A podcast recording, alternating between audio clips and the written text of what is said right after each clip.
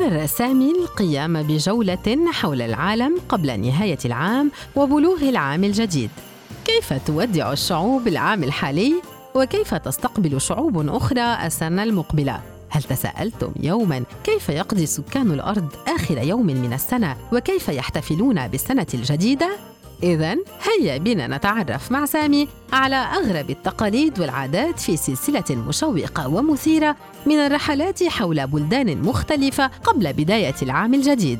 وهيا بنا نحتفل مع مختلف شعوب الأرض على طريقتهم بقدوم العام.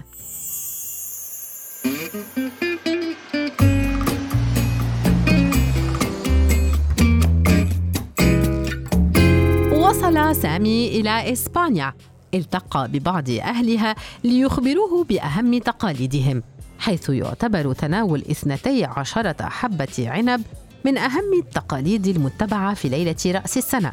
فإن العادة تجري أن يتجمع الناس في الساحة الرئيسية في مدريد والتي تدعى بويرتا ديل سول من أجل الاحتفالات والمشاركة في تقليد العنب. في حين ينقل ويبث هذا الحدث عبر شاشات التلفزة. ويشارك فيه من لم يتمكن من الخروج من المنزل. عندما يبدأ العد الأخير من الاثنتي عشر ثانية الأخيرة من السنة يبدأ الناس في تناول حبة عند كل عدة ومن يستطيع أن ينهي حباته في الوقت المحدد سيضمن أن يكون حظه جيدا طوال العام المقبل. أطلق على هذا التقليد اسم las doce uvas de la suerte ويقال إنه نشأ في القرن العشرين في جنوب البلاد التي كانت تتمتع بمحصول وفير من العنب. فتم اعتماد هذه العادة لبيع ما تبقى من تلك المحاصيل. انتشر منذ ذلك الحين هذا التقليد حتى وصل إلى جميع المدن الإسبانية. فإما تأكل حبات عنب على عدد أشهر السنة أو توخى الحذر من الحظ السيء في العام المقبل. ما هي وجهة سامي التالية؟ وأي بلد سنزور معا في عدنا العكسي للعام الجديد.